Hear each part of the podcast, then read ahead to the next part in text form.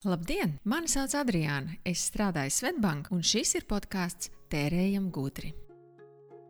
Tērējam gudri ir podkāsts, kas dod iespēju tev tērēt savu laiku gudri. Tā kā šis ir podkāsts un tas ir jāklausās audio formātā, tu paralēli šim vari darīt ko produktīvu, kaut ko, kas šo stundu varētu padarīt par vērtīgu stundu. Un tikmēr tu varēsi klausīties ekspertus, kas runā par to, kā tērēt gudri, pelnīt gudri un ar maziem soļiem doties uz ilgspējīgāku nākotni. No finansiālās labklājības perspektīvas skatoties, ienākuma puse ir tikpat būtiska kā izdevuma. Naudas pelnīšana vairumā gadījumā tomēr ir maratons, nevis sprints. Tas prasa būt labā naudas pelnīšanas formā ilgus mūža gadus. Labu formu raksturo vairāk aspekti, bet šī saruna ir par produktivitāti darba stundās un iespēju veltīt pilnvērtīgu laiku privātai dzīvei un bateriju uzlādēšanai jaunam darba cēlienam. 2019. gada Eirobarometrs pievērsās darba un privātās dzīves līdzsvaru pētīšanai. Vidēji Eiropā 79% strādājošo ir apmierināti ar savu darbu un privātās dzīves līdzsvaru. Igaunijā šis rādītājs ir 81%, Lietuvā 80%, apmierinātākie ar darbu un privātās dzīves līdzsvaru dzīvo Dānijā, Austrijā, Somijā, kur apmierinātības rādītājs ir pat ap 90%. Latvijā līdzsvars starp darbu un privāto dzīvi apmierinoši vērtē 73% strādājošo. Tātad 15% ir norādījuši, ka ir ļoti apmierināti, 58% drīzāk apmierināti. Tas ir sestais zemākais rādījums Eiropā. Tāpēc ir vērts parunāt par to realitāti, ar ko saskarās ceturtā daļa strādājošo Latvijā, kas jūt, ka darba stundas ir pārāk ilgas un kā un kas to varētu mainīt. Darba un privātās dzīves līdzsvaru meklējumos, cik daudz ir atkarīgs no paša un cik no darba devēja. Uz sarunu par atbildības sadalījumu un ko katra puse var darīt lietas labā, esmu aicinājusi Ilzi Medni, koču un HR podkāstu vadītāju, kura savā podkāstā regulāri apmainās ar zināšanām par personāla vadības jomas profesionāļiem. Uh, Ilze, kas ir tavuprāt trāpīgākā definīcija darba un dzīves līdzsvaram? Nu, kā zināt, ka esam to sasnieguši vai, vai kurā virzienā to meklēt?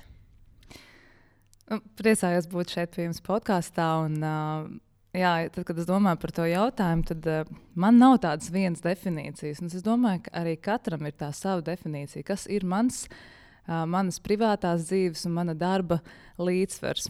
Es nebūšu populāra ar šo viedokli. Uh, es teikšu, ka nav tāda darba un dzīves līdzsvara. Ir tava dzīve. Ir tava dzīve kopumā, tas darbs, ko tu dari, un uh, tava dzīve, ko tu dzīvo. Un es domāju, ka tajā brīdī, tad, kad cilvēkam radās stress vai izdegšana vai pārstrādātas stundas, ir jāsāk domāt par to, vai tev tiešām patīk tas, ko tu dari. Jo tajā brīdī, kad tu sāc domāt par to, ka tev kaut kas ir par daudz no darba tavā dzīvē, tad uh, tev ir jāpaskatās uz to savu, uh, uz tavām, savām sajūtām, vai tik tiešām uh, tu esi īstajā vietā. Jo viss, kas mums rada pārlieku lielu stresu, paņem mums ļoti daudz enerģijas. Un, ja mums ir ļoti liels stress, tad jautājums no kā? No tā, ka tev ir ļoti daudz darba, no tā, ka tu neesi īsti apmierināts ar to, ko dari, vai tu īsti neatrodies īstajā vietā kopā ar īstiem cilvēkiem. Kā, nu, tā būtu mana definīcija. Laba pašsajūta, tu nedomās par to, vai tev ir privātās darba dzīves līdzsvars. Fakts, ka tu esi sev noķēris pie domas par šo, jau varētu būt rādītājs. Bet vai ir kādi pētījumi, vai ko eksperti saka, kas ir tas darbinieku profils, kas visdrīzāk, eh, kam ir vislielākais risks noslīgt tādās ilgās darba stundās?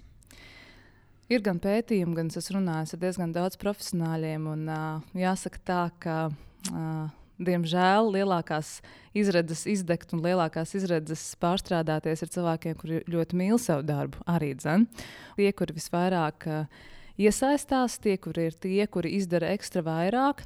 Piesakās uz papildus lietām savā darbā, tiem ir liels risks uh, nonākt uh, izdegšanā, nonākt pie, pie sajūtas, ka, hei, uh, es esmu pa daudz, vai arī visbiežāk viņi pat paši nepamanā, ka viņiem ir pa daudz. Viņiem sāk teikt citi, Varbūt tev nevajag tik daudz būt darbā, varbūt uh, ģimenes locekļi tev par to sāk atgādināt, un, un tu pamani, ka tu esi tikai darbā. Tas, ko es no tevis sadzirdēju, ka vislielākais risks ir tiem darbiniekiem, kas, ir, kas mīl savu darbu, kas ir aizrautīgi, kas ir atvērti jaunām iespējām un tās aktīvi izmanto. E, nu, tas īstenībā ir tas vislabākais, visiekārojamākais darbinieku profils, ko jau kura organizācija varētu sev vēlēties. Un tā prasme pateikt sev nē, vai arī prasme ieraudzīt, ka tavs darbinieks ir pārāk tālu aizgājis. Un tad ir uzreiz jautājums, kāds ir tas atbildības sadalījums? Vai darba un privātās dzīves līdzsvars ir um, tikai darbinieka atbildība, vai tur arī ir darba devēja atbildība? Šis ir ļoti daudz diskutēts jautājums, kurš par, kur, kurš par ko ir atbildīgs. Pirmkārt, katrs pats cilvēks ir atbildīgs par savu dzīvi. Un mēs nevaram norakstīt uh, uz uzņēmumu visas uh, darbinieka nespējas plānot savu laiku, pateikt laicīgi nē, uh, paskatīties savu darbu apjomu. Taču te ir otra lieta, protams, no darba devēja. Otrais visatbildīgākais ir tavs vadītājs, kurš redz, pazīst tevi kā darbinieku, jautā tev. Ja arī tu nerunā, tad viņš jautā vēlreiz un, un pārjautā un saprot, ok, tu šodien atnāc neizgulējies. Uh, kaut kas ir par daudz, vai tev ir darba par daudz, vai tev ir. Vai tev dzīvē kaut kas ir par daudz, un tā ir saruna, ko, ko vadītājs uzsāk uh, ar savu darbinieku. Darba devējs kopumā, kā uzņēmums, protams, uh, pie mūsdienu šīs kognitīvās uh, megaslodzes, kas cilvēkam ir jā, jāpārstrādā, ir jārūpējas par to, lai cilvēkiem būtu normāls darba laika sadalījums, lai būtu iespēja, iespējams strādāt no mājām, iespējams uh, pabūt vienam kādā uh, klusākā stūrītī vai, vai pastrādāt uh, uh, kādā mazā komandā, vai varbūt tiešām vienu dienu paņemt brīvu un, un kādā citā dienā strādāt garākas stundas. Bet uh, darba devējiem ir jāļauj būt elastīgākam nekā Uh, nekā tas ir līdz šim mums pierasts. Uh, mums liekas, ir 8 stundas jānostrādā, tad 8 stundas es garīgi Eh, sēžu, mentāli sēžu pie datora un kaut ko rakstu, un tas nav iespējams. Un būsim godīgi, tā tas uh, vairs nenotiek. Eh, vai šis elastīgais darba laiks būtu tāda mm, panacēja, ja varbūt ir vēl kādas prakses, ko darba devēji ievieš vai varētu ieviest, lai risinātu šo ilgo stundu problēmu, un, un kuras no tām varētu būt ar tādu būtiskāko ietekmi uz stundu mazināšanu? Es domāju, ka viena no tādām būtiskām lietām, ko uzņēmums var darīt, liekas pavisam tāda vienkārša. Bet uh, viens ir varbūt tiešām runāt par to. Nu, vienkārši runāt cilvēcīgi un pastāstīt, ka uh, mūsdienu sabiedrība ir mainījusies, darba stundu garums vai vai intensitāte arī ir mainījusies, tev ir brīvi pašam plānot un skatīties, kā tu dari savu darbu. Un te es runāju vairāk par tādiem biroja tipa darbiniekiem, kur strādā projektos vai atrodas oficiālos. Es domāju, ka Es, es nezinu, vai tā ir taisnība, ka Rīgā kasieri neuztraucās par darbu mājās, bet es domāju, ka viņiem ir diezgan mazs izdegšanas vai pārstrādāšanās sindroms pēc darba laika. Viņi neiet mājās ar domu, nes kā tas klients desmitos no rīta jutās, kad viņam noskanē šo preci. Tas ir cita tipa darba, nu, dar, darbs. Un, Tieši biroja darbiniekiem. Tad ir runāt par, par, par šīm lietām, un, un otrs ir uh, jā, es domāju, ka elastīgs darba laiks ir panacēja. Es domāju, ka ir, tā, tā ir lieta, par ko ir jādomā ar vien vairāk. Un viena lieta, kas varbūt man rada nedaudz bažīgu, elastīgs darba laiks rada vairāk iespēju cilvēkiem strādāt no dažādām citām vietām. Un, tas, ko es pati redzu un arī savā ikdienā piedzīvoju, esot prom no darba kolektīva, tu pazaudē sasaiti ar uh, savu uzņēmumu. Tev ir tā sajūta, ka tu kaut kur strādā, kaut ko dari, bet īsti nesatiecies ne ar savu vadītāju, ne ar savu komandu. Tu esi atrodies visu laiku zvanos, austiņās, un tu īsti nesaproti, kur tu strādā. Un tas varbūt tevi atrauj no tās uh, piesaistes un, un iesaistes vispār uzņēmuma dzīvē. Tā kā es domāju, ka par šo arī ir jāpadomā, kas ir tas veids, kāds ir limits. Vienreiz nedēļā strādāt no mājām, divreiz nedēļā, cik stundas, kā tiek rēķināts darba laiks, kurš tam seko līdzi. Kā, nu, tas, tas, tas noteikti būtu, par to noteikti ir jādomā. Kas vēl no tādām praktiskām lietām? Nu, noteikti tas ir arī biroja uh, telpu izvietojums un, un kā cilvēki strādā. Nu, tas jau, ko es minēju, vai, vai viņiem ir iespēja sēdēt visiem atvērtā tipa birojā, vai var, varbūt tev ir iespēja kaut kur noiet malā, pabūt klusumā, vai pastrādāt citā telpā, vai, vai tad, kad tev ir zvans, tad tu dodies uz, uz citu stāvu. Un, uh, un tas tā visa telpa pieder tev. Uh, Un varbūt tur pat ir tāds uh, viens no jaunumiem, kas šobrīd arī notiek uh, pie biroja izveides, ka uzņēmumi veido savus uh, birojas kā kafetērijas. Lai tev ir sajūta, ka tu esi, esi it kā kafejnīcā, bet darbā. Ka tev ir tas kafejnīcas troksnis, kas ir, nu, veicina tādu radošumu un tādu atbrīvotību. Un, un es pati personīgi ļoti daudz strādāju kafejnīcās. Man ļoti patīk tā sajūta, ka citi apkārt strādā, kaut ko ēd, kaut ko runā, bet es esmu rīktīgi iekšā savos darbos. Tā kā varbūt pat uh, uzņēmumiem tas būtu tāds gudrs veids, kā panākt, ka arī uh, cilvēki, es negribētu teikt, ka tikai jauniešiem tas patīk, bet ka cilvēki, kuriem tā patīk, viņiem tāda iespēja ir. Tā kā, nu, varbūt tādas trīs lietas uh, man uzreiz nāk prātā. Kad es pētīju šo tēmu, Harvard Business Review es atradu atsauci uz grāmatu Time, Talent and Energy, kuras autors ir Eriks Gartons. Viņš eh, raksta sekojoši. Kad mēs ieskatījāmies uzņēmumos ar augstu izdegšanas līmeni, mēs redzējām trīs kopējus vainīgos pārāk daudz iesaistīto lēmumu pieņemšanā, ar to saprotot mm, ļoti plašu saskaņošanas procesu, daudz laika mm, sazvanos, tad, respektīvi, sarežģītu šo lēmumu pieņemšanas struktūru, vājas laika plānošanas prakses un spējīgāko darbinieku pārslodzi. Šis ne tikai atņem darbiniekiem laiku koncentrēties uz sarežģītu uzdevumu izpildi vai ideju ģenerēšanu, bet arī sagrauj atpūtu, kas nepieciešama atjaunošanai.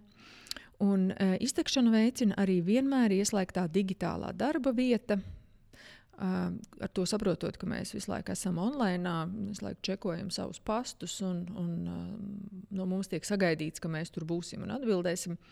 Un, uh, pārāk daudz uh, prioritāšu vienlaikus. Kā tu reflektētu par šīm tēmām? Um, jo tas, tas, par ko tu runāji, viena daļa bija vairāk tādas tiešās darbinieka un viņa tiešā vadītāja attiecības, bet vairāk tādās struktūra lietās, uz ko vajadzētu skatīties darba organizācijām. Noteikti var piekrist pie tā, ka pārāk daudz lēmumu pieņemšanā iesaistīto cilvēku, pārāk daudz uh, cilvēku sapulcēs ir uh, mega uh, laika paņēmējs. Uh, tieši spējīgie cilvēki bieži vien nonāk tajā vāveres ritenī. Viņi ienāk uzņēmumā, un viņi visus, viņus uh, visi grib. Viņiem jāpiedalās visās sapulcēs, jāpiedalās visos lēmumos. Un, uh, un te ir arī jautājums nevis tikai tas, ko, ko no tevis sagaida darba devējs Bet ko tu pats sagaidi no sevis, uh, strādājot šajā uzņēmumā? Ja tu ienāc uzņēmumā un tev labi par to maksā, un no tevis sagaida konkrētas lietas, tu vēlies pēc iespējas labāk sevi atpelnīt. Un te viss atkal atgriežas pie sākumā teiktā, uh, stāsts par sevi. Vai tu spēj sev pateikt, kā es šobrīd jūtos, vai es spēju sev atbildēt, vai, vai man šeit ir jābūt, vai es spēju pateikt nē, vai es apzinos, kādas sekas ir no tā, ka es pateikšu nē. Un šis ir viens no maniem spēcīgākajiem ieročiem, jo es ļoti daudz saku nē. Un tas pat reizēm kolēģis pārsteidz, bet es uh, vienkārši augstsnīgi pasaku, nē, man šķiet, ka man šeit nav jāatrodas. Un sapulces vidū arī tu vari piecelties un aiziet un saprast, ka ok, šeit laiks man ir beidzies, es dodos tālāk strādāt. Tā ir sava laika prioritizēšana un plānošana.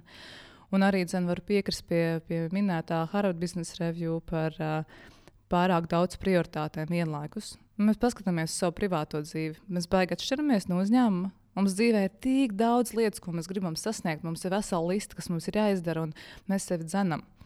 Bet mana produktivitātes atslēga ir nu, vismaz viena vai divas lietas dienā. Izdarām, varbūt uh, vienu, divas lietas mēnesī, kā uzņēmums vai kā departaments realizējam. Vienkārši vienojamies par šo un strādājam visi uz šo vienu lietu, vai strādājam visi, kas ir iesaistīti šajā projektā, uz šo vienu lietu. Bet pārāk daudz prioritātes nekad nav bijis uh, veselīgi. Un, un, un, ja tu kā cilvēks paskaties uz ļoti garu listi, tev jau pašam paliek slikti.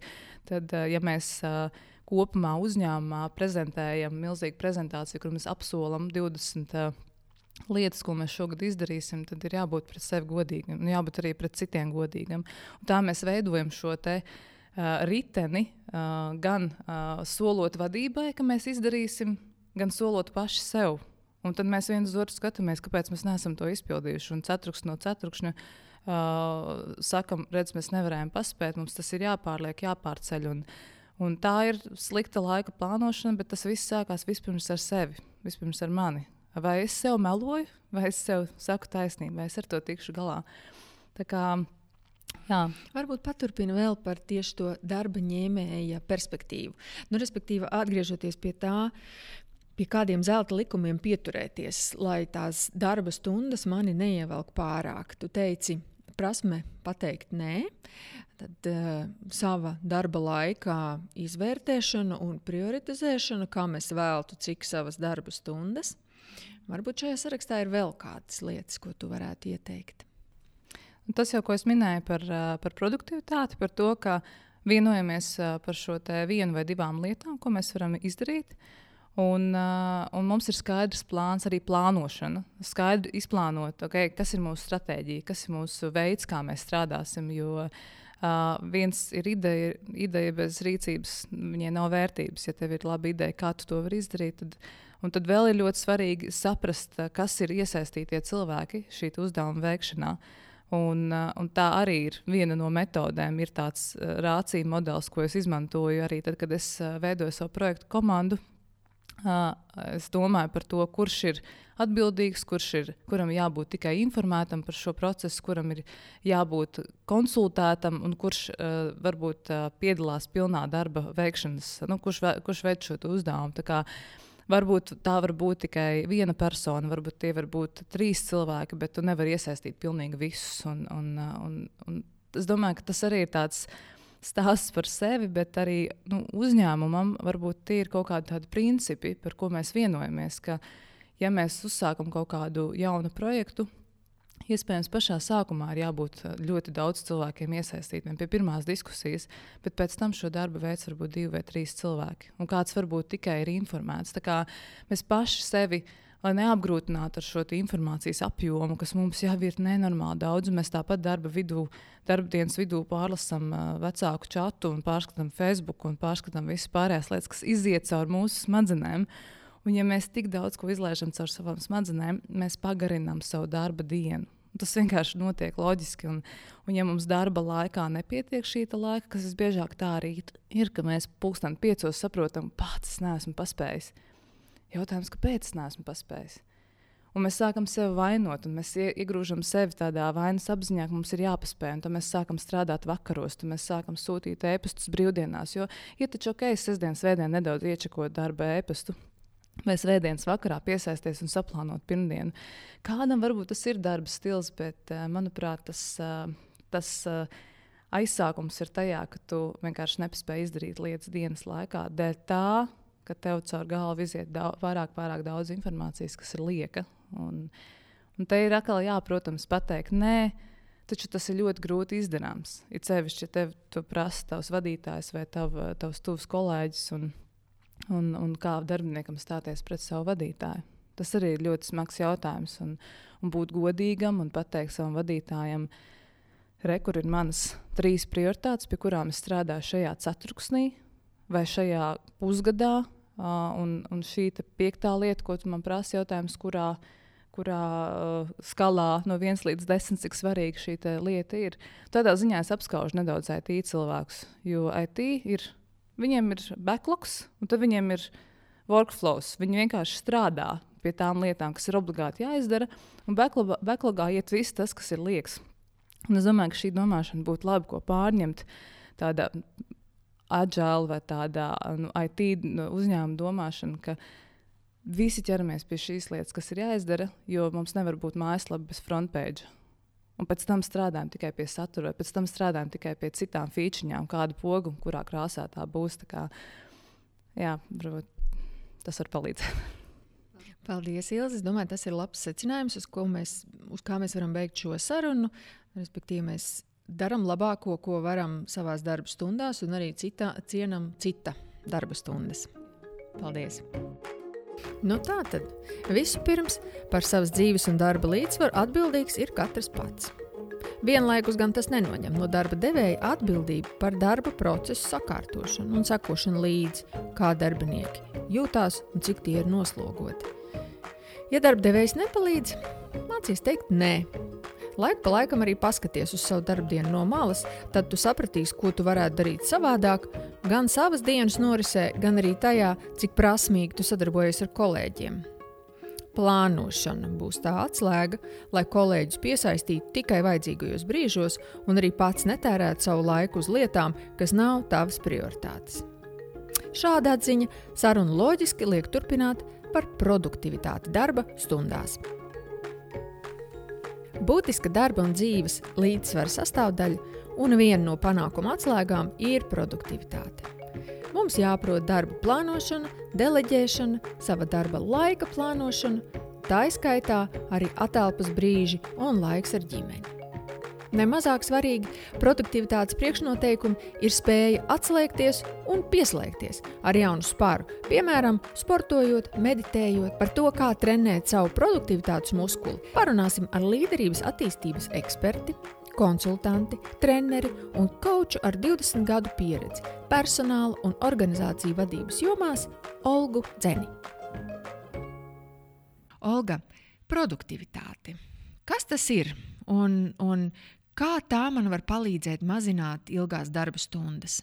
Paldies, ka uzaicinājāt. Tiešām prieks būt ar jums kopā un runāt par produktivitāti. Es domāju, ļoti daudz interpretācijas par šo vārdu. Uh, Ja mēs runāsim vienkārši, mana skatījuma produktivitāte ir tas, cik daudz tu vari izdarīt pa savām darba stundām un cik vērtīgas lietas tu izdarīji pa savām darba stundām. Ja? Jo mēs varam strādāt 10 un 14 stundas, bet mēs varam nepanākt rezultātu. Tad tiešām produktivitāte ir tas, ka mēs darām svarīgas lietas un pēc iespējas ātrāk. Un nezaudējot arī laimes sajūtu, ja, ka tomēr mēs esam cilvēki un mums ir gandarījums par to, ko mēs darām, ka mēs jūtamies labi arī emocionāli. Jūs sakat, ka produktivitāte ir darīt svarīgas lietas. Un kā tad ar tām mazāk svarīgajām lietām? Vai no tām mums vajadzētu kaut kā mēģināt tikt vaļā, vai kad tās darīt? Mazāk svarīgas lietas būtu forši sakotnē identificēt, jo bieži vien cilvēki dara mazāk svarīgas lietas un velta tam ļoti daudz laika pat nedomājot, un tad viņam rodas liels stress, ka viņa nevar paspēt visu, un beigu beigās viņa arī nevar nonākt līdz kaut kādam konkrētam rezultātam. Mazāk svarīgas lietas mēs varam atlikt, ja? mēs varam deleģēt. Mēs varam izdomāt kaut kādu citu risinājumu, kā mēs varam tikt galā ar šiem uzdevumiem, bet tomēr tas ir tas, ar ko mēs varam variet. Mm -hmm. Un pat ja mēs neizpildīsim šīs lietas, nekas kritisks nenotiks. Vai produktivitāti kaut kā mēdz mērīt? Produktivitāte mēra ļoti labi ražošana, jo tur viss ir skaitļos, viss ir gabalos, viss ir produktos. Grūtāk mērīt cilvēkiem ar intelektuālu darbu, jā, tur ļoti grūti mērīt to produktivitāti. Jā, tāpēc pieejas ir ļoti dažādas. Bet ražošana super var visu nomērīt. um, nu, es pieņemu, ka produktivitāti var iemācīties domājot par uh, daudziem un dažādiem uh, aspektiem. Varbūt jūs mums varētu izstāstīt par svarīgākajiem tādiem instrumentiem, ar kuriem mums katram strādāt, lai, lai um, celtu savu produktivitāti. Nu, es domāju, viens no tādiem būtiskākiem pamatelementiem produktivitāte ir laika plānošana. Cik tas neskanētu garlaicīgi, uh, mūžīgi neinteresanti, jā, bet bez laika plānošanas mēs tālu netiksim. Un, ja es saku, tas primitīvais veids, vismaz uh, darbu saraksts uz vienu dienu, ka tu zini, ko tu darīsi. Jo, ja tas tev eksistē tikai galvā, tad visdrīzāk es varu teikt, ka šis cilvēks neko neplāno. Šis cilvēks vienkārši peld pēc traumas. Bet, ja tev jau ir saraksts, kur tu vari atzīmēt kaut kādas lietas, ko tu izdarīji, jā, kas ir svarīgāks un kas mazāk svarīgāks, tev jau parādās, parādās plānošana kaut kāda veida. Un bez laika plānošanas cilvēki bieži vien tiešām arī iekrīt stresā. Jā, jo viņi visu laiku tāda sajūta, ka nevar visu paspēt. Un multitasking šodien, nu, tas ir mūsu dzīves sastāvdaļa. Jā. Bet mūsu smadzenes nav uzbūvētas tā, lai mēs varētu tikt galā vienlaicīgi ar vairākiem uzdevumiem. Mūsu smadzenes apstrādā pēc kārtas vienu, tad otru, tad trešo. Un plānošana palīdz mums dot mūsu smadzenēm iespēju darboties tā, kā mēs esam fizioloģiski uzbūvēti. Paņemt vienu, tad otru un tad trešo. Vai laika plānošana, nu, teiksim, tas griezums, vai ar vienu dienu, nu, tas noteikti būtu labs iesācēja līmenis, un tad tālāk, uz ko mums būtu tiekties, nu, tur droši vien vēlamais ir, ir cik ilgā termiņā plānot. Gads ir ļoti labs termiņš, uz ko skatīties, jo parasti cilvēki zina savu darba ciklu, bieži vien ir gada mērķi, kas tev ir uzstādīti, tad tu vari pēc viņiem arī skatīties. Bet sava karjera un privāta eh, dzīve cilvēki var plānot vēl daudz tālāk uz priekšu. Plānot bērnus, plānot eh, izglītību, plānot karjeras izmaiņas. Tur mēs varam skatīties arī daudz, daudz uh, tālāk. Vēl jūs pieminējāt par tiem mazāk svarīgajiem darbiem un par deleģēšanu. Uh, nu, tā lieta arī varētu nebūt tik viegla. Uh, Jo nu, pirmkārt, atrast to, kam deleģēt, un otrām kārtām nu, samērot tās kvalifikācijas, vai tam, kam tu grasies deleģēt, eh, tur beig beigās, ka tev nav pašam jādara tikai ar, ar, ar jākustina eh, citas rokas savu roku vietā. Kā tur ar to mākslu? Ar deleģēšanu arī ir diezgan izaicinoši. Un īpaši vadītājiem, kas tikko uzsāk savas karjeras gaitas vadītāja amatā. Jā, jo tur ir ļoti izaicinoši, jo bieži vien cilvēki cenšas visu izpildīt paši, jā, lai saglabātu savu profesionalitāti, kontroli par visām lietām. Jā, un tad šķiet, ka nu, kas labāk var izdarīt par tevi? Nu, neviens, jā, tāpēc tu arī dari visas šīs lietas. Bet tad, kad uh, saskaras ar tādu neizpildāmu darbu apjomu, spiesti deleģēt, sāk deleģēt, un tad uh, tiešām pirmais jautājums ir, kas? Jā, jo tas nozīmē, ka tiešām šo uzdevumu var izpildīt citi. Tas nav tik svarīgs, lai to izpildītu tu. Un ir cilvēki, kas vismaz uz 70, 80% var tikt galā ar šo uzdevumu. Tad super, mums ir kam, jo mēs nevaram gaidīt, ka cilvēki perfekti visu izpildīs. Tas nozīmē, ka lielākā daļa būs izpildīta, ja jau ir drošs pamatojums dot tālāk šo uzdevumu. Uh, Nu, un tad otrais, kā jūs sakat, atbilstoši kompetencijām. Jo, protams, mēs varam dot izaicinošu uzdevumu zaļajam uh, cilvēkam, ja, kas vēl nav speciālists, tad mums būs fiasko, rezultāti nekādi nebūs.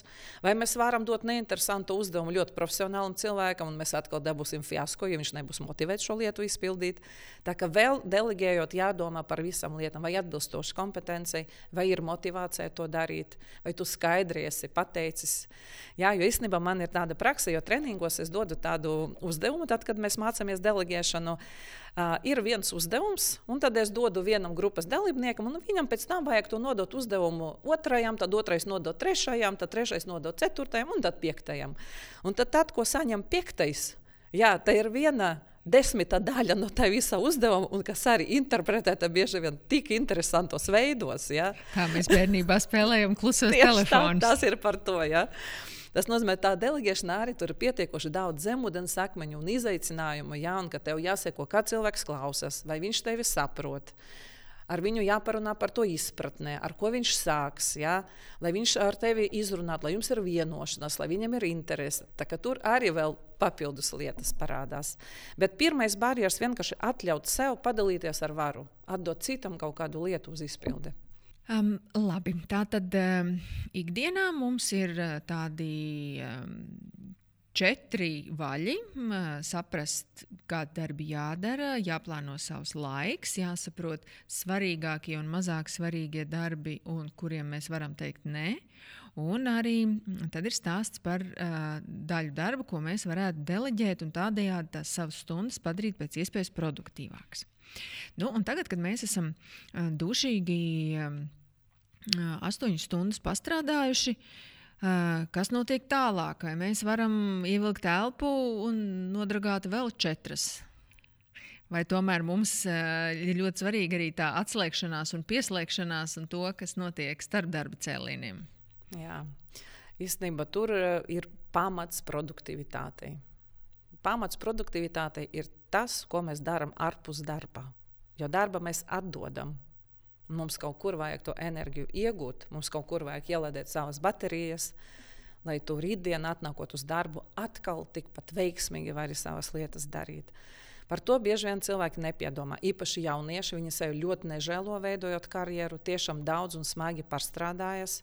Bet, diemžēl, tas ved uz izdegšanu, uz tādu ļoti augstu stresa līmeni, uz to, ka cilvēki nevar uzņemties pēc tam atbildību kaut kādu augstāku. Un es ļoti nerekomendētu nodragāt astoņas stundas, un pēc tam vēl četras.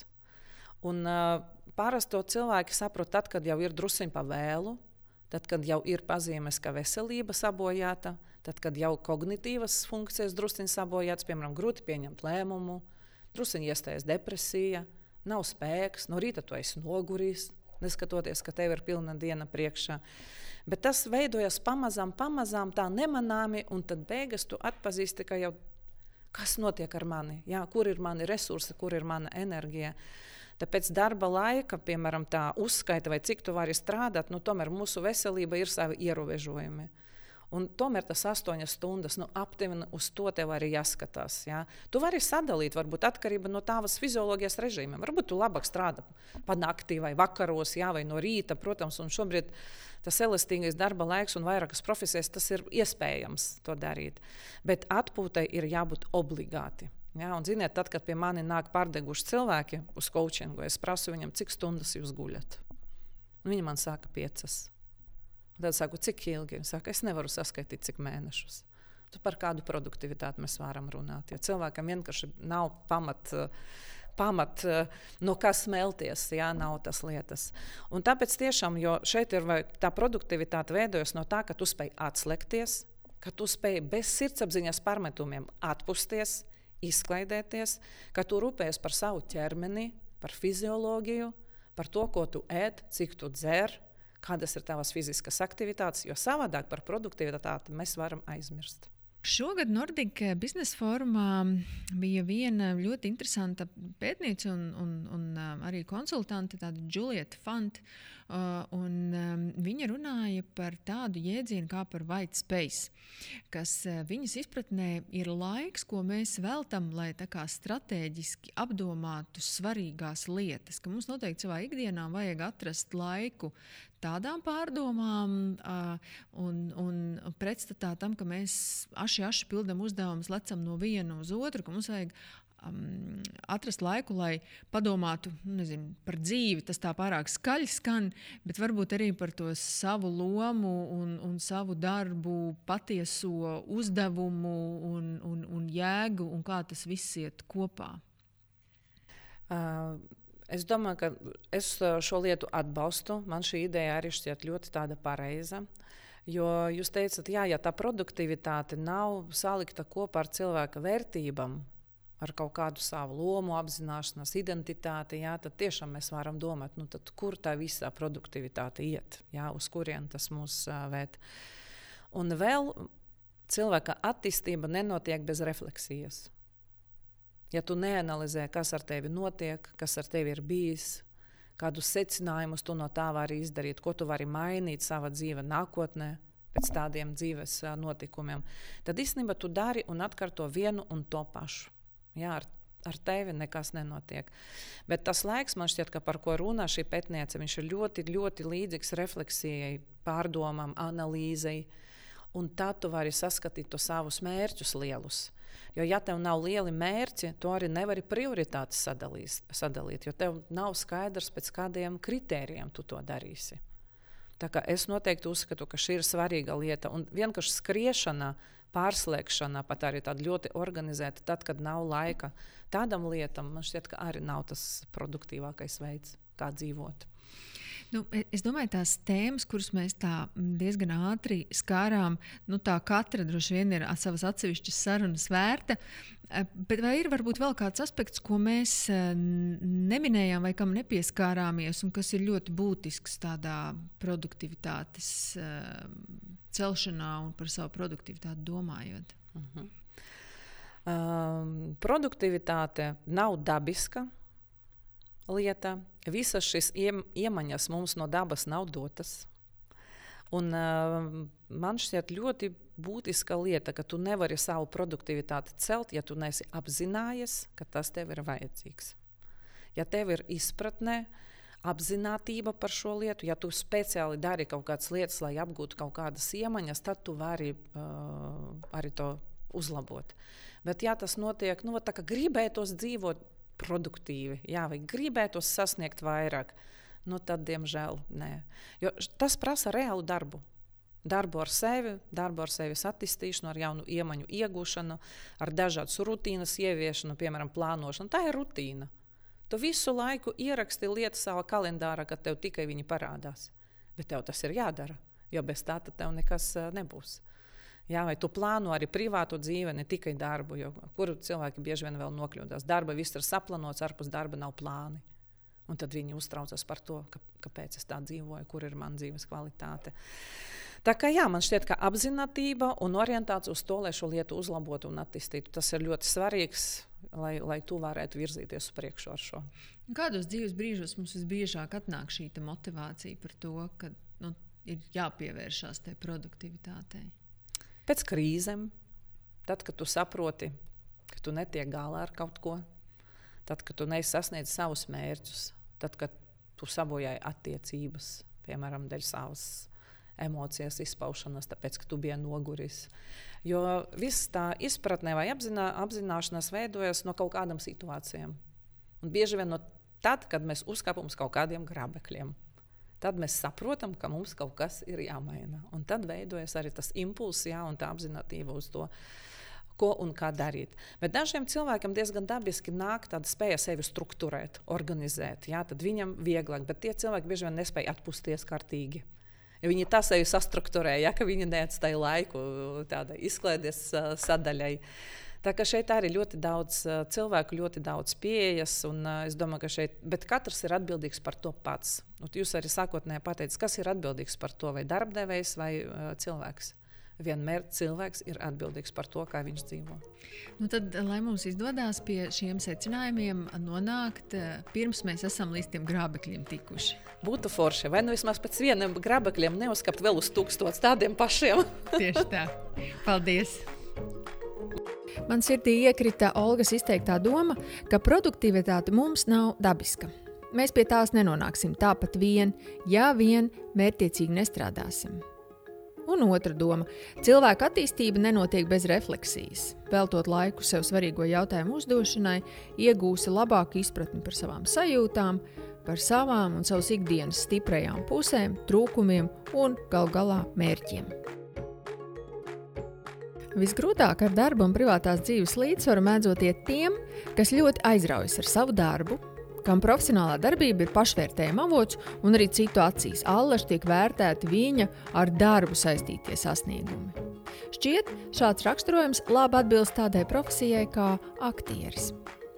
Mūsu sarunas trešais viesis ir Latvijā labi zināms dēls teātris Dainis Grūbe, kurš arī ir hotdogu ēstuvis kā Dagi Dog līdzīpašnieks, kā arī divu mazu bērnu tēvs.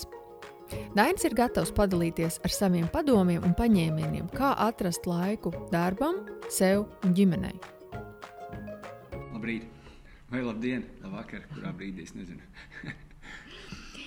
Daini, kā tu raksturotu savu darba ikdienu? Kāda ir tava darba diena? Uh, standarta darba diena man sākas 7 no rīta un uh, beidzas ap 10, 11 vakarā. Tas sākas tā, ka septiņos no rīta mēs ceļamies. Attiecīgi taisamies. Viens bērns uz dārziņu, otrs bērns uz skolu. Tad es pats dodos, dodos uz teātra mēģinājumā. Um, tad, kad man ir beidzies mēģinājums, tad es atkal izņemu skolnieku no skolas, otru bērnu no dārziņa, nogādāju mājās. Un tad atgriežos, atgriežos teātrī. Un, uh, tā man tā, man tā diena iet. Nu, tas ir tāds uh, grafiks tajā brīdī, kad man ir mēģinājuma process. Uh, tad, kad man nav mēģinājuma process, bet man ir piemēram tikai izrādes, uh, tad viņš druskuļi tāds slīdošāks tas grafiks ir. Tad vai nu, vai nu skolnieks tiek uzsēdināts mums vieniem draugiem, kuri viņu nogādā uz skolu, vai arī tad, nu, tad ceļos es pats un, un to daru. Bet, bet nu, principā, jā, un, man ikdiena tāda ir, sākas viņa septiņos, beidzas ap tiem desmitiem, desmitiem, vienpadsmitiem tie darbi. Un, un pa vidu vēl ir, tad, pa vidu vēl ir tās lietas, kas ir ar, ar, ar ēstu, ar, ar hotdogiem. Nu, tad, uh, Tās neprasa tādu pilnu dienas klātbūtni. Nē, redz, jo Tur mēs esam uh, pieci cilvēki, un uh, mums īstie pienākumi ir sadalīti. Un, attiecīgi, mani pienākumi ir, ir uh, sociālie tīkli, uh, kaut kāda uh, komunikācija ar cilvēkiem. Un tas jau nav noslēpums. Šodien to var izdarīt no jebkuras vietas. Galvenais, lai, lai līdzi ir telefons un ir, ir internets, un attiecīgi tad, es varu strādāt kaut kādā mežā būdams. Nu, jā. Saki, kā tu velc robežas starp darbu un privāto dzīvi? Telpā, laikā, prātā. Tas tā, no laika gala jau tā ir izveidojies, ka, ka katrs tas brīvais mirklis, ko es esmu mājās, tas katrs brīvais mirklis tiek pilnvērtīgi pavadīts ar, ar ģimeni un ar bērniem. Un, un īsti to laiku es pats neplānoju. To laiku plāno sieva un plāno bērni. Un, attiecīgi, tas nozīmē to, ka um, man, ja ir tas brīvais laiks, tad man ir apmēram jāpiet mājās, jāapstāsta, kas ir kalendārā, mūsu kopīgajā kalendārā rakstīts, un tas arī ir skaidrs, kas tur būs jādara. Bet uh, arī kaut kādi tie paši rīti, kad mēs ar, ar vecāko meitu braucam uz skolu. Man sanāk, mums sanāk, nu, tas ir kā kuru rītu, kā mēs tur iesēžamies vai neiesēžamies korķos. Tas, tā ir pusstunda līdz 45 minūtes. Uh, Un to laiku mēs arī cenšamies pavadīt pilnvērtīgi. Jā, mācīties, piemēram, reizrēķinu, kā mēs skatāmies priekšā stāvošajām mašīnām, tos numurus skaitām kopā, visus tos ciparus un, un aprunāt lietas, kas ir kas, kas skolā jauns, kas, ir, kas ir interesants noticis. Un, nu, katru to, to brīvo, brīvo brīdi jā, nu, tādā veidā censties maksimāli kvalitatīvi pavadīt ar ar sievu un bērniem. Un, uh, un tad, kad ir, uh, ir tas trakais skrējiens, piemēram, mēģinājumi un vispārējais, um, tad lai vai kā, bet nu, mēs dzīvojam tomēr tādā, tādā, tādā gadsimtā, ka mēs varam to kontaktu tīri labi turēt arī pa, pa gabalu. Jā, ir visi vis FaceTime sa, sa, sazvanīšanās un vienkārši tāpatās sazvanīšanās. Un, tā kā, Tad, kad jauna, vecākā meita bija vēl, bija vēl pavisam maziņa, tad es darīju tā, ka es rakstīju video. Un es tikai vienpersonu runāju tajos video, un es viņai uzdodu tos jautājumus kaut kādus, un, un es absolūti zinu, ko viņi atbildēs tiem jautājumiem. Un tad es tikai ieturu tajā video pauzi, un es pats noreaģēju uz to viņas atbildi, un es eju tālāk. Un tad es jau stāstīju, ka tie ir diezgan smieklīgi gadījumi, ka, ka bērns tiešām domā, ka, nu, tagad, ka tas nav ieraksts, bet ka mēs nu, tagad sarunājamies normāli. Un, un, nu, tā, vis, visādas tādas lietas. Skaties, tu stāsti, ka nu, tev profesija paņem tevi uzņēmējdarbība, ģimene. Bet kā ar laiku tikai sev? Vai tev ir laiks tikai tev pašam? Nu, tas ir tas brīdis, kad uh, visi ir aizgājuši gulēt mājās. Um, tas, ir tas, tas, tas ir mans brīdis. Kas ir tavs bateriju uzlādēšanas avots? Ko vajag tev? Es pat nezinu, man kaut kā, redz, tagad ir tik, tikko bijusi viena pirmizrāde, un, un tās, tas pēdējais posms ir bijis diezgan, diezgan tāds uh, smags, skrejošs. Un, un tad es jūtu drusciņu sevī tādu, nu, tādu nogurumu, gan, uh, gan mentāli, gan arī fiziski. Bet uh, tas ir ļoti reti. Man liekas, ka šis ir tāds nu, ceturtais gadījums desmit gadu laikā. Uh, Jo parasti man tās baterijas ir diezgan pilnas, un, uh, un es varu pat iedot kādam citam palādēties, ja vajag. Um, bet uh, neko daudz man nevajag. Um, Cukuru, cukuru, cukuru. Ja. Bet, bet ja bez tā, tad uh, laikam jā, ka tie ir tie vakari, kad es vienkārši sēžu, skatos kaut kādus seriālus. Sākumā es uh, izlasu ziņas, no viena gala līdz otram, gan sportā, gan, gan visur pasaulē, kas ir noticis. Izlasu tādas lietas, un, un tad es ķeros klāt kaut kādiem mikrokaru seriāliem un, vai kaut kādām filmām. Nu, jā, arī, jā. arī, arī, arī Playstation. Nu, kaut kāds tāds. Prāta diezgan, pārslēgšana uz, uz kaut ko tādu. Drīzāk citu. atslēgšanās, absolūti atslēgšanās no teātra. Jā, un, uh, Un, lai vai kā, bet tas Playstation tas bija tieši tāds arī tāds. apzināts pirkums tieši dēļ tā iemesla. Mm. Lai, lai varētu atslēgties, atslēgties no, no, tā, no tā visa, kas notiek ārpus, ārpus mājas. Un, un tas palīdz, un tas strādā. Un, Ko tu teiktu par tādu pieņēmumu? Pastāv uzskats, ka nu, teiksim, tā radošā enerģija tas ir milzīgi virzošs process. Un, ja mūsu dzīvē ir radoši procesi, kuriem mēs varam nodoties ar sirdi un mīlestību, tad viņi, protams, patērē mūsu baterijas, bet tajā pašā laikā arī uzlādē. Dod Kā... atpakaļ, jā. Tam es absolūti piekrītu, ka tas tā ir. Uh, Jo, nu, piemēram, spēlējot teātri, atrodoties uz skatuves, ļoti labi var just. Tas ir, protams, ļoti atkarīgs arī no izrādes. Ka ļoti labi var just to enerģijas apmaiņu, ko tu dod skatītājiem, un, un ko tas uzmanīgais skatītājs dod tev. Un, uh, Un ļoti var just arī tās dienas, kad tiešām gaisā kaut kas virmo, jo tad ir tāds skatītājs, kurš dīdās, kuram to uzmanību nevar noturēt. Tad ir tev pašam ir tā sajūta, ka tu īsti neesi iekāpis, iekāpis savā lomā un nespēji atdoties līdz galam. Tā, tās izrādes un tādas dienas izsūc, izsūc man šķiet, ko var. Bet, bet tās lielās veiksmes tiešām ir tādas, lai, lai cik smaga būtu izrāde. Nu, ja mēs paņemam, piemēram, bija izraidītie. Izrādi, kas bija vienkārši sakot, piecu stundu skrējiens. Burtiski tas ir vienkārši non-stop skriešanā. Uh, pēc tās izrādes man trīs dienas nu, bija vajadzīgs vispār gultas režīms un masāžas. Bet, uh, jebkurā gadījumā pie tās visas slodzes un pie tā visa, visa tāda kaut kādā ziņā pat ārprāta, uh, tu no skatītājiem dabūji atpakaļ ārkārtīgi, ārkārtīgi lielu enerģiju. Un, un tas tiešām tas, tas uzlādē, un, un dēļ tā vien tu saproti, ka, ka to ir vērts darīt. Un, kad, ja tas patīk jums, tas patīk man, nu tad kāpēc mēs to patikšanu nevaram likt kopā tādā tā kā vienā enerģijas kodā kodolā. Bet runājot par ģimeni, ģimene ļoti labi saprot, gan piecgadīgā meita, gan arī jau astoņgadīgā meita. Viņas ļoti labi saprot to, ka kad ir tā, tuvojas tā pirmizrāde, tās kaut kādas nu, divas nedēļas līdz desmit dienas, tad, nu, tad tētis, tētis ir diezgan nepieejams. Ka, ka, ka tas ir tāds, jā, tas diezgan intensīvs teātris periods. Bet tas, kā, tas skatoties no, no tā, kāda, kāda izrāda. Kāda izrāda nāk, un ja mēs, piemēram, paņemam kaut kādus pašus kadagus, tad, uh, tad tur arī čaļi zina to, ka tā tagad grūti jāliek mierā.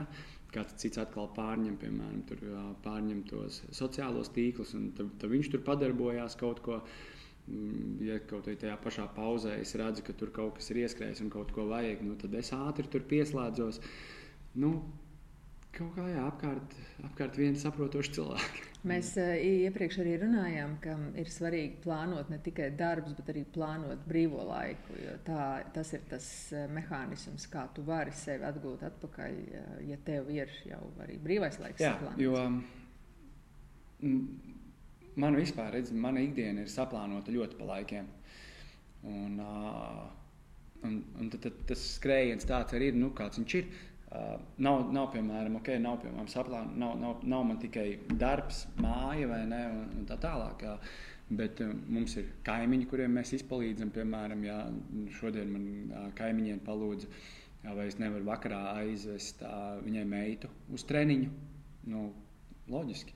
Ja man ir brīvs vakars, uh, es paņemšu savus bērnus līdzi, kuri fano pa zirgiem, un mēs brauksim uz stāli. Kamēr viņi trenēsies, mēs pavazāsimies un paskatīsimies, kāda, kāda, kāda zirdziņa ir. Ne? Uh, nu, tas, ir, redz, tas arī tā, tā tāda situācija. Es gan palīdzu tagad kaimiņiem, gan arī, gan arī es dodu saviem bērniem to, ka viņas, jā, ok, viņām forši, viņas tur aizbrauks pusotru stundu pavadīt pie zirgiem, par ko viņas fano nenormāli. Nu, lūk, un, un, un, un tā ir tā plānošana, kas man patiesībā palīdz, palīdz noturēties. Jo es domāju, ka ja man, ja man nebūtu tā kaut kāda plānošana, nu kaut kas tāds, tad, tad īsti tad varētu sākties kaut kādas problēmas. Jo vasara, vasara arī saplānota, to dara sieva. To dara sieva. Es tikai saku, ok, labi, man tur no tikiem līdz tikiem, tas ir tur, man tur jāizdara kaut kas tāds. Ne, vai kaut kas, kaut kas tāds, bet, bet to laiku absolūti plāno viņa. Un es tur ar baigi neko neiebilstu. Ko es varu iebilst? Kad deviņus mēnešus neesmu mājās, gandrīz un, un dzīvojam.